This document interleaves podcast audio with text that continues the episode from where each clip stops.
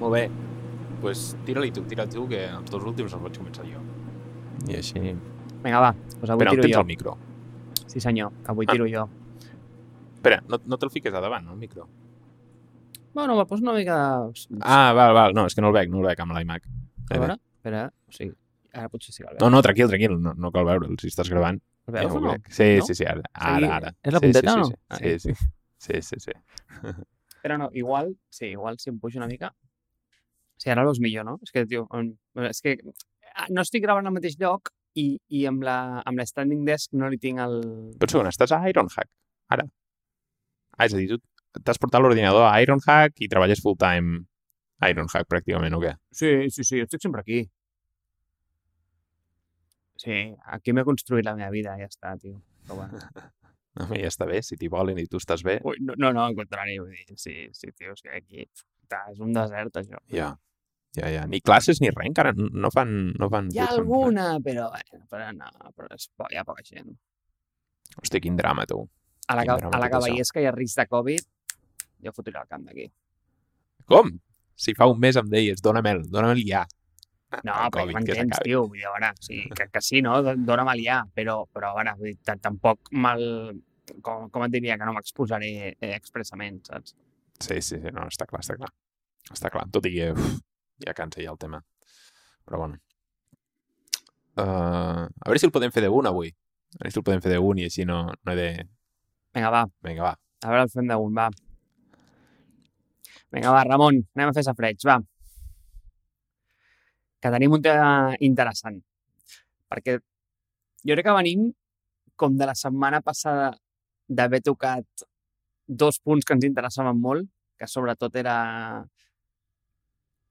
aquesta dualitat entre bootcamps i, i educació tradicional i, més a més, com el consell que li donaríem a algú si estigués començant, no? eh, per, on, per on encaminar-se.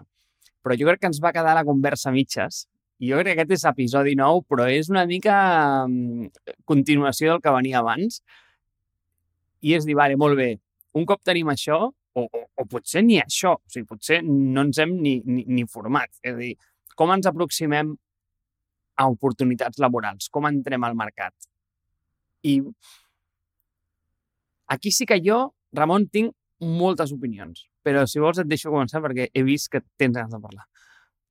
Bueno, de- mm, ganes, ganes de parlar, no, però jo jo penso que aquest serà un capítol marc, totalment, com va ser l'altre, perquè, perquè per tota la teva experiència, no? Tu vas començar, eh, o no, no vas començar, però vas treballar molts anys a Ironhack, òbviament, i, i veus molta gent que comença d'un lloc o comença um, estant a un lloc i se'n vol anar cap a un altre.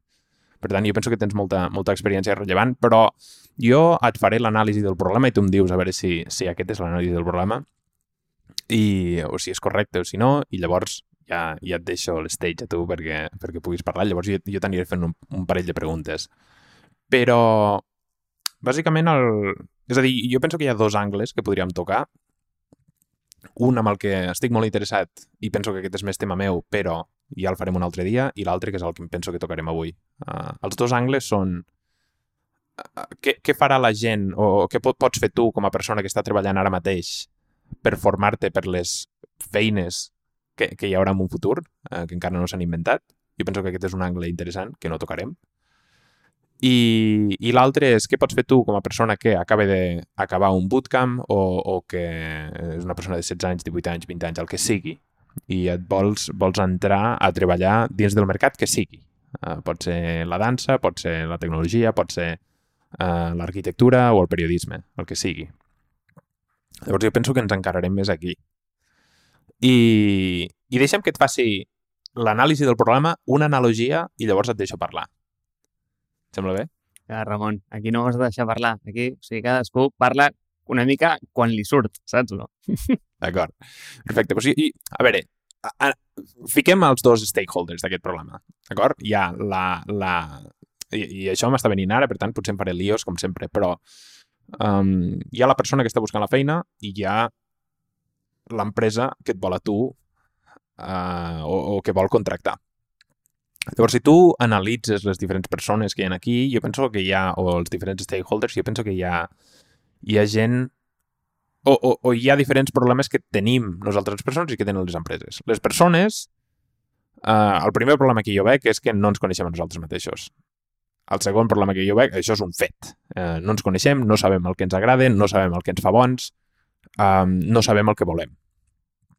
Probablement per falta de maduresa, probablement per falta d'educació o, o falta de coneixement del que hi ha. Llavors, l'altre problema que hi ha, eh, problema 1, no ens coneixem. Problema 2, eh, no sabem què volem, eh, com he dit. I llavors això fa que no sabem què ens fa diferents. Com que no ens coneixem i no sabem què volem, no sabem què ens fa diferents i què, quin pot ser el tret diferenciador que faria que nosaltres poguéssim trobar una feina. Per part de les feines, per part de les empreses, um, les empreses probablement tampoc saben el que volen, a vegades, o després volen una, una versió idealitzada de la feina que estan intentant plenar. I jo penso que si analitzes el problema, veus una massa gran de població que està intentant buscar feina i una gran massa d'empreses que estan buscant treballadors. Però tot i així, aquestes dues persones no es troben entre elles. O, o aquests dos stakeholders no es troben entre ells, per alguna raó. Llavors, jo penso que uh, estava corrent ahir i l'analogia que vaig trobar va ser... Imagina't que cada feina o cada career path fos una carretera. Llavors, hi ha, hi ha carreteres diferents. Hi ha carreteres que són més muntanyoses, hi ha carreteres que en són menys, hi ha autovies, hi ha autopistes, hi ha carreteres que estan més saturades i hi ha carreteres que estan menys saturades. I això és, bàsicament, una mica el mercat laboral. És a dir, el primer que fas tu és agafar, pujar el cotxe i tu t'has comprat aquell cotxe perquè um, o t'agrada conduir, o t'agrada conduir ràpid, t'agrada conduir lent, t'agrada estar amb un 4x4, t'agraden més cavalls, menys cavalls. Llavors tu entres a una, a una carretera volent conduir perquè t'agrada aquella carretera. És a dir, tu em deies l'altre dia, uh, una de les meves carreteres preferides és la de... Uh, quina és? Bueno, aquella que anaves en bicicleta. La de Tossa um, a Sant Feliu, per anar en bicicleta. La de, la de Tossa a Sant Feliu. Conduir em toca un peu, però anar en bici m'encanta i Tossa a Sant Feliu és la carretera. Tossa a Sant Feliu és anar... I, I podríem dir no conduir, però en bicicleta. Uh, tu t'agrada més la bicicleta de carretera, a mi m'agrada més la de muntanya. Tot i així, hi ha carreteres que estan més saturades que les altres. És a dir, si tu vas al Tibidabo el dissabte, la carretera està saturadíssima de bicicletes. Això pot ser carreres com periodisme, arquitectura, um, etc. És a dir, és molt més difícil per tu conduir, però no només això, sinó és molt més difícil per tu sortir, també. I aquí és on anava. Um, les sortides són les empreses. Llavors, quan tu tens una sortida molt ben notificada i quan a tu t'enganxa aquella sortida que acaben de notificar just quan tu passes per aquella sortida, és perfecte. Tot s'alinea i llavors les 10-15 persones que estàveu passant per allà veieu la sortida i podeu sortir. Llavors tu el que has de fer és, com a persona que està conduint pel tercer carril, ficar-te al segon, després al primer, després ficar l'intermitent cap a la sortida i llavors sortir. Tot aquest procés jo penso que és el procés de, primer, estar al moment i al lloc adequat per veure aquella sortida. Dos, poder ficar l'intermitent i saber que tu ets la persona adequada per aquella sortida. I tres, eh, que aquella sortida sigui realment la correcta per tu. Llavors jo penso que s'han d'alinear tantes coses que hi ha moltes coses a analitzar i per això jo penso que, um, que, que tu, des del teu punt de vista aquí de, de PM, anàlisi de riscos, tal, uh, jo, jo penso que, que, que pots solucionar això. Però bàsicament, si jo pogués donar un consell ràpid aquí per començar és coneix-te tu mateix, busca el que et fa diferent, potència el que et fa diferent i, i llavors fica't en contacte amb gent de dins, etc que ara en parlarem. Però, però bàsicament són, són és aquestes coses quan a persona està buscant feina. Fot-li. no, és que, tio, saps que m'encanten les analogies. O sigui, aquesta és, o sigui, aquesta és, un, molt bona, però dos, és un pèl twisted, aquesta, eh? O sigui, tio, té com, té molts stakeholders, aquesta analogia. O sigui, però una cosa, només per, per estar segurs que l'he entès bé, eh? O sigui, en la teva analogia, la carretera són els career paths, el cotxe seria com el teu skill set i les sortides de la carretera són les empreses, oi? Bueno, el, el cotxe és Sí, sí, sí. Bueno. Més o menys, estic treballant amb aquesta analogia. Eh? M'estava sortint aquí mentre estava parlant. I... Però sí, però jo penso que té sentit, és a dir, tu, tu estàs al mig d'una carretera i, i tu dius, hòstia, avui tinc ganes d'anar a Andorra a esquiar. Fantàstic, tu tens ganes d'anar a Andorra a esquiar, per tant, tu vols... Uh, imagina't que aquestes dues hores de, de, de camí són, són tota la vida. Òbviament que pots canviar l'eix i anar-te'n cap a Tàrrega o anar-te'n cap a Lleida, però... Però tu tries un camí quan comences un viatge. I aquest viatge comença quan tu tens 20, 18, 16, 14, 22 anys. Jo és que t'he dit del cotxe que, o sigui, no el cotxe, sinó el vehicle és el teu skill set, perquè a mi el que em dona és com que tu al final tries la carretera, és a dir, mira, jo trio si vull anar per la P7 o per un camí de cabres. Llavors, tu has d'entendre bé on el teu vehicle s'ajusta a les necessitats de la carretera. És a dir, mai voldràs pujar a Andorra amb patinet, però potser sí que voldràs anar del Clot a Marina amb, amb un, no sé, o sigui, eh, amb un patinet o, o, amb una, o, una, o amb una moto, no sé si m'explico. Sí, sí. Eh, eh, és una mica això. I llavors, per tu poder anar a Andorra, eh, diguem que Andorra és, és, és ser astronauta a la NASA, anem a ficar-ho així, que és una, és, és una bona carretera, la, la, la carretera d'Andorra. Si tu tens un patinet, jo penso que el primer que has de fer és potenciar aquell patinet i tornar-lo a un cotxe que et pugui portar allà. Això primer. Um, i, I primer has de tenir el self-knowledge self, de dir escolta'm, jo tinc un patinet, he treballat molt amb això. I treballar no, no necessàriament vol dir estudiar. Uh, treballar vol dir uh, primer tenir el, el, el poder de, de reflexió personal per entendre aquest problema o per entendre aquesta situació i després potenciar-la uh, de moltes maneres, fent connexions, etc que ara en parlarem. Però, però me la compres o no? Tio, te la compro, de fet, m'agrada molt. No, estic pensant, i és que, saps què passa? Que sempre he pensat amb aquesta dualitat entre... I és un tema que he donat moltes voltes, eh? Entre el on vols arribar i què et portaran allà. I hi ha molta gent que es pensa o que hi ha com aquesta falsa imatge de que el career path és una línia recta jo crec que no hi ha res més allunyat de la realitat. A mi em recorda molt més com, com et diria, com cercles concèntrics. És a dir, tu al final vols arribar al centre de la pilota i tio, no, no vas de cara, o sigui, sinó que al final vas com donant la, la teva carrera professional va donant com, com cercles concèntrics i llavors tu al final t'has de t'has d'assegurar de dues coses. La primera és que, un, estàs anant pel perímetre correcte i la segona és que cada cop el, el següent moviment t'està aproximant una mica més al centre, no? Però jo ho veig com molt més un moviment tangencial que no pas algo com lineal que vas de cara. Eh, I m'agrada molt la teva analogia perquè, com et diria, o sigui, el end goal de la carretera és com la teva visió, malgrat el que tu em proposes és, ah, no, no, és que les oportunitats laborals són sortides de la carretera. Llavors, és molt bona perquè tu surts de la carretera, llavors en allà tu, escolta, tens el, el, el, el, el teu career path segueix, malgrat tu quan continues, tu t'has d'assegurar de que segueixes anant cap a Andorra i, i, i que no t'has desviat cap al Delta de l'Ebre. No sé si m'explico.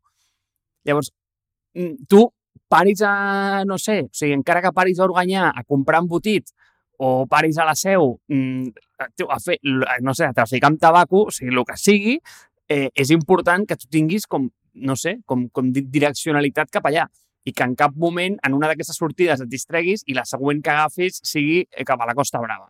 Sí, sí. Una bona salutació a, a, als embotits UBAC d'Organyà, a les secallones de, de ah. Sens dubte. Que és, que és parada obligatòria quan vas a Andorra i, i no pots pagar el peatge. Em penso que, que, que no has de passar, que, no, que has de passar per Organyà. No has de passar per un peatge per anar per allà. Ah, va. No, no, no, però, però si, si vols saltar el peatge per tornar a Barcelona, has de, passes no. per Organyà?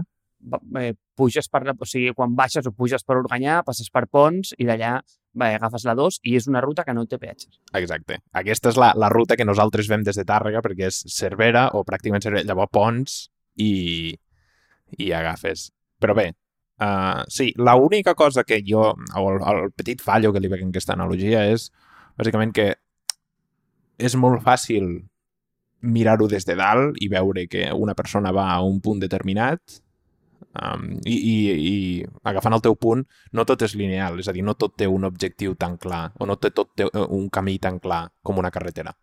Però si agafes les carreteres quan a això, career path o oportunitats, um, és a dir, jo vull treballar o jo vull anar en aquesta sortida específica. Jo vull treballar a la NASA. Llavors jo penso que funciona. Tot i que, com deia Steve Jobs, és molt més fàcil mirar endarrere i llavors veure com els punts de les diferents carreteres connecten. Clar, llavors, mira, és que has tocat dos punts molt interessants. El primer és el de les empreses versus, versus les persones, eh, de com cada un veu aquesta entrada al mercat laboral i per què hi ha eh, aquesta simetria entre, ostres, molta gent buscant, moltes empreses buscant, però no es troben. Mm, jo aquí crec que hi ha diversos factors que estan jugant. Eh, en primer lloc, sí, és el que tu dius, és que hi ha un problema de eh, juntar oferta i demanda que és greu i, i, i no entrarem en, aquest, eh, en aquesta problemàtica.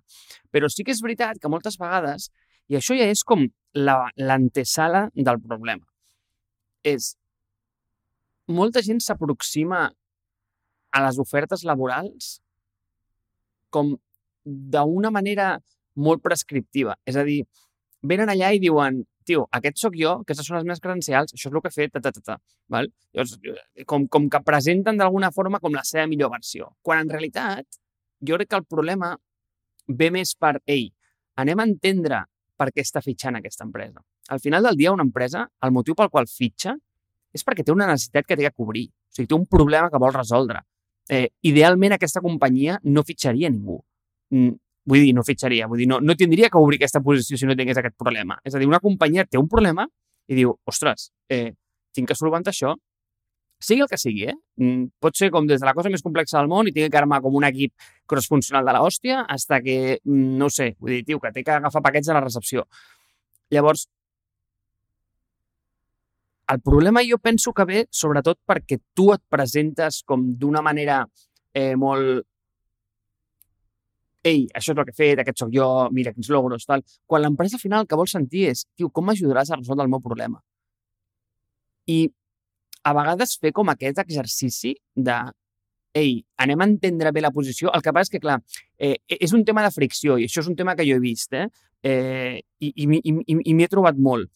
Jo penso que la millor manera d'aproximar-te a una feina, i, i després veurem quantes estratègies hi ha, què es pot fer, què és el millor, bla, bla, bla, però crec que és anar, anar com a, a tiro de sniper. És a dir, si tu vas a aplicar a LinkedIn a 10.000 posicions diferents, o sigui, estàs literalment pescant amb, amb, d'amarrastre. O sigui, no, trauràs, eh, sí, una sardineta, però també trauràs com una bota podrida i, i una capsa de plàstic. Eh, és, ningú et farà cas. És a dir, jo he estat a l'altra banda, jo he vist com funciona mm, el, el LinkedIn Recruitment, aquell, el tool de recruitment de LinkedIn, i és, oh, és aberrant. O sigui, tio, és que t'arriben com 500 ofertes per una posició i, tio, és que vas descartant només que en, en el cas de que hi hagi un match perfecte, i això parla molt en el que tu deies d'aquestes de, versions idealitzades, no, no, no vas a buscar més. En canvi, si t'aproximes en aquest problema d'una forma molt més humana, molt més orgànica, intentant conèixer les necessitats de la companyia, eh, fent una mica el research previ, eh, no sé, o sigui, in, intentant conèixer la gent que treballa dins, veure qui és aquest equip i per què tu ets la persona que pot fer una contribució única en allà i tens aquest value prop, crec que tens com, encara que enviïs tres currículums i només apliquis a tres llocs, tindràs tres sis. Bueno, jo penso que hi ha dos temes. Un és és difícil saber quin problema soluciones tu com a persona que acaba d'entrar al mercat laboral per una empresa. Per això ja, per això cada vegada com més madures es tornen les, les indústries, sobretot al punt de maduració que està al, al, al sector de la tecnologia, és molt complicat per tu poder crear valor i per tant és molt complicat per una empresa voler-te al principi. Això no passa amb, amb empreses més madures o amb, o amb indústries més madures com l'arquitectura, per exemple. El que vol l'arquitectura és, saben que t'han format, saben que la feina és relativament uh, senzilla i estructurada i el que no volen fer és pagar més per una persona uh, que, que pugui fer aquesta feina de manera més cara. Per tant, agafarem la persona més júnior que hi hagi. Però jo no, jo no veig... Necessar... És a dir, per exemple, ara nosaltres estarem contractant d'aquí poc. Jo no veig... A, a mi no em poden cobrir la necessitat dissenyadors júnior ara mateix. Jo necessito un senior i un principal. Llavors, com, com ho gestionem, això? Per una, per una persona que està acabant de començar. I l'altra, aquí fico un, una, una pregunta, i l'altra pregunta és, estic molt d'acord amb tu, lo de l'sniper, però amb això tens molt més risc de que et tinguin que no i, i molt més risc o, o molt més investment que has de fer tu al, a l'inici i jo no sé fins en quin punt és a dir, hauríem de parlar de com es, es pot fer això per tal de que pugui ser un èxit, perquè jo no tinc tan clar que sigui un èxit rotund sempre, 100% de les vegades. És a dir, aquí hi ha d'haver un procés. Jo penso que és, eh, pot ser un èxit quan et recomanen, és a dir, quan tu, Marc, recomanes a X persona perquè treballi a Y, perquè saben que tu tens un track record, saben que tu ets una persona sèria, saben que poden mirar aquella persona uh, com, com una tu. Però, però quan tu estàs buscant des de zero, jo ho trobo una mica més complicat si no coneixes a ningú a dins. Perquè som, som, som persones que som, som éssers socials, no? I, i, i confiem amb el que... No, amb el o sigui, que això sens dubte, eh? Però i, i vull, vull tocar aquest punt, el vull rebatre, perquè, perquè de, de veritat tinc molta convicció sobre ell. És a dir, mira, va, Ramon, va, que t'ho posaré fàcil, va. Et donaré un, una, una sentència d'aquelles de la gent no sap, vale? eh, diu, però t'ho diré, vale? te, la, te la donaré, te la donaré. Eh, I algun dia en parlarem d'això, eh, del, del, del metatema, vull dir, del, del, del metatema de, del, del general, del, com crear aquestes generalitzacions així a l'aire. Eh, però la gent no sap el que vol, ho sento, no sap. Eh, val? Llavors, quin és el problema? Pues el problema és que m'apliques a 300 ofertes a LinkedIn que s'assemblen eh, amb un ou, amb una castanya, cada una, i no tens tu, d'alguna manera, com una alineació amb el que aquella feina està necessitant. Però jo penso que hi ha un problema de soroll aquí. És a dir, imagina't que t'apliquen 500 persones de LinkedIn. D'acord. Imagina't que les descartes totes aquelles 500 persones. Però imagina't que fan el mateix amb un correu. I hi ha, hi ha t'envien 100 correus, te n'envien menys de correus, t'envien 100 correus. I dels 100 correus hi ha una persona que sí que ha recercat, que sí que ha mirat, que s'ha interessat per, per com l'empresa va ser fundada, que pensa que és, um, que és el match perfecte però aquella persona cau dins del soroll de, dels currículums. Mira, mon pare, quan contractava per secretaris i secretàries, el que feia era agafar el bloc de currículums. No, mon pare no ho feia, ho feia un, el pare d'un amic meu. Agafava la meitat dels currículums i els llançava a la basura. I deia, jo vull una persona amb sort. Però llavors, com pots trencar aquell soroll si no és coneixent a la persona que està mm. contractant? Però veus, o sigui, què és lo fàcil? Lo fàcil és aplicar, és donar-li el botó.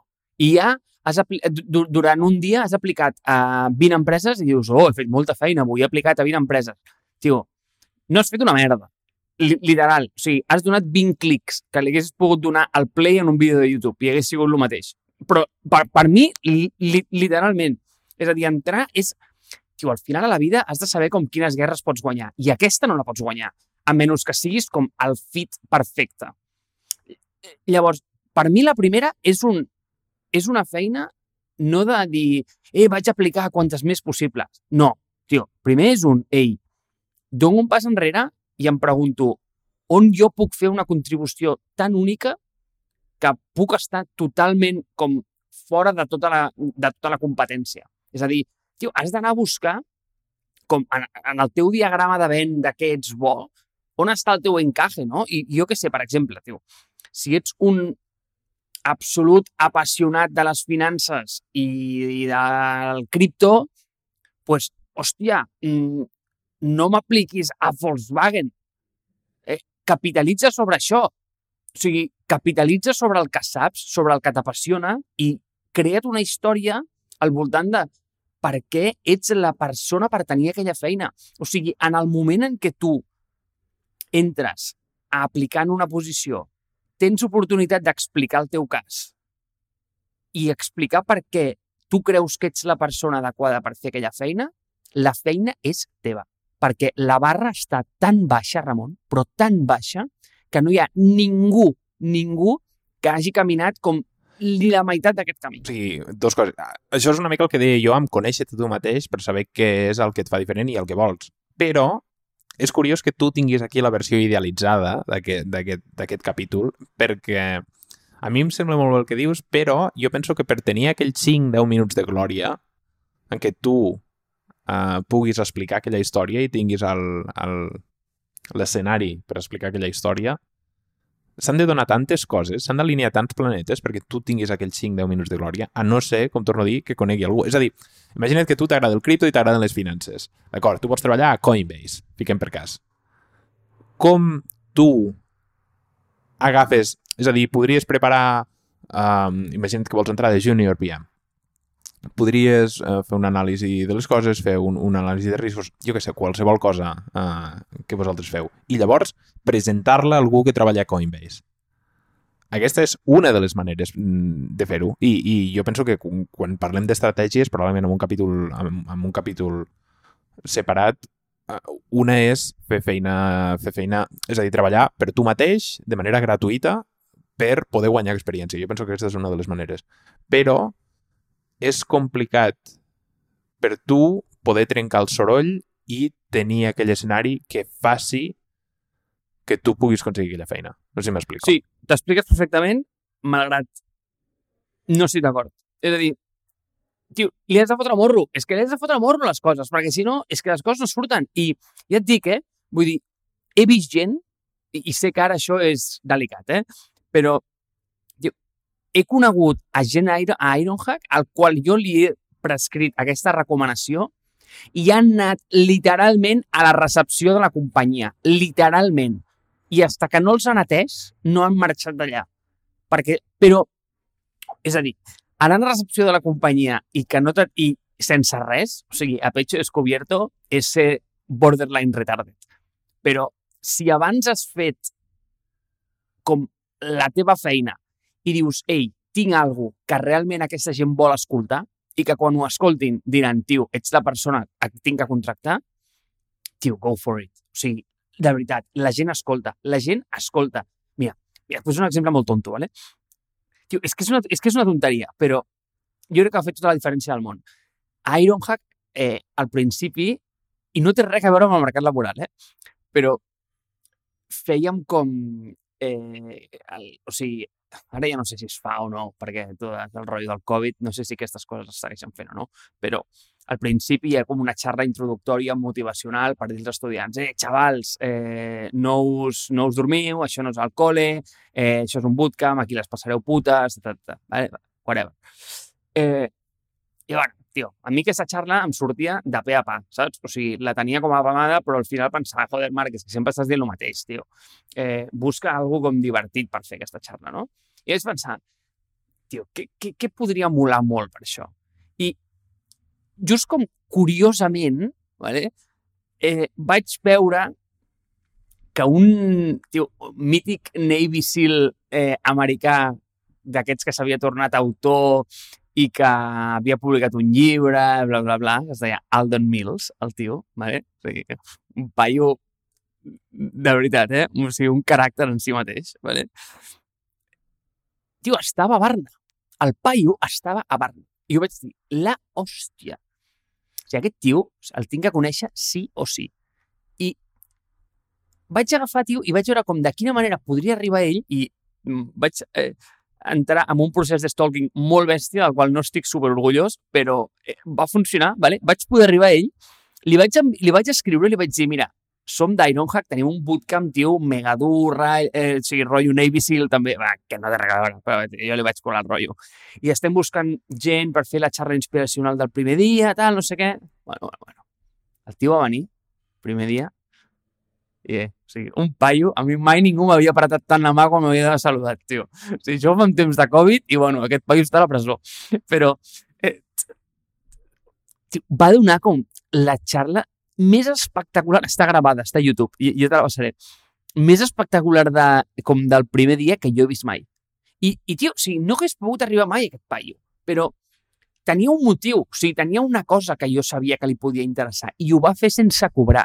No sé si es pot dir això, però és que ho va fer com, tio, o sigui, sense pagar un puto duro. Ho va fer encantat de la vida. I després el tio, pues, eh, no sé, el vam invitar a una castanyada i el tio em va dir que no podia, eh, whatever, no? Però, tio, com, com que li mantens el contacte i segueixes una mica eh, relacionat amb ell, però que per cert, això, tio, és que ho sento, estem fent referència, això és molt divertit, Ramon. Eh, el tio, vale, em va dir si podia venir el dia abans. I jo pensava, per què? O sigui, per què vols venir el dia abans? Vaig dir, bueno, clar, clar, vine, vine el dia abans. El dia abans era diumenge. Llavors vam quedar ell i jo sols un diumenge per la tarda. Li vaig obrir l'espai. El tio, simplement, o sigui, va entrar saps? Bueno, a Ironhack hi ha com un auditori, ¿vale? es va passejar per l'auditori, va caminar com dos, va fer com dos voltes a l'auditori, se'l va mirar, es va posar davant de l'stage, va mirar com a dreta, esquerra, i va dir, good enough. I se'n va anar. Tio, només es va com, tio, com, com visualitzar ell mateix en la posició, saps? Tio, era un personatge, tio, era un personatge. Eh, ficarem el vídeo als show notes perquè val la pena veure'l. Però només perquè et digui, tio, o sigui, si vols arribar-hi hi arribaràs, collons. Si és que és fàcil. El que tens que tenir com un cas, és a dir, has de tenir com, de veritat, alguna de, de valor per mostrar i evidentment no serà una efectivitat del 100%, però aniràs a algun lloc. No sé si m'explico. Jo penso, i, i, i jo ho tancaria aquí, jo penso, no sé que tinguis més coses a dir, però jo penso que és, tu ho estàs encarant a... Per comptes de fer el clic, clic, clic, clic, clic i passar-te hores fent clics, passa't aquestes hores trobant què et fa únic a tu i què et fa un bon match per a la solució del problema que té l'empresa. Jo, la manera que a mi m'agrada encarar-ho és siguis tan bo que no et puguin ignorar i que llavors sigui l'empresa que et contacti tu i et digui tenim aquest problema i sabem que tu el pots solucionar. Ara, com això es materialitza en una persona que acaba de començar? Complicadíssim. Has de ser molt privilegiat. Has de treballar moltes hores.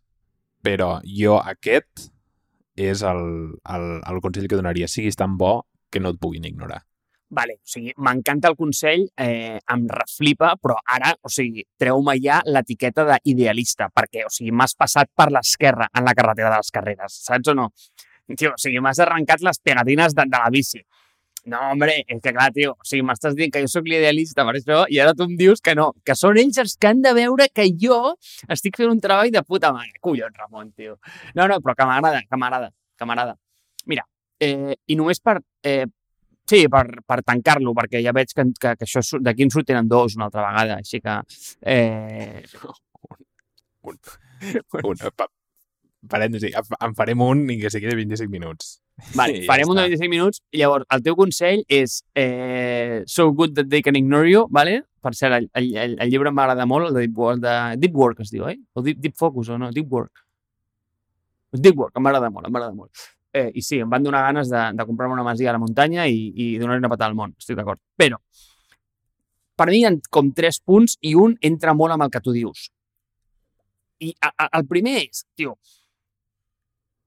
a l'hora d'aproximar-te al mercat, tio, jo crec que has de buscar com les escletxes aquestes de, de, de, de coneixement. Saps? És a dir, mm, és el que tu dius, has de tenir com eh, l'alineació amb la sortida, els skills, i m'agrada molt perquè crec que aquesta parla molt amb això. És a dir, tio, busca on hi han asimetries de mercat, on hi ha aquestes escletxes, on hi ha aquestes posicions que realment hi ha més oferta, hi ha molta, molta, molta més oferta que demanda. Eh, no, al revés. No, hi ha molta més demanda que oferta, perdona. Exacte.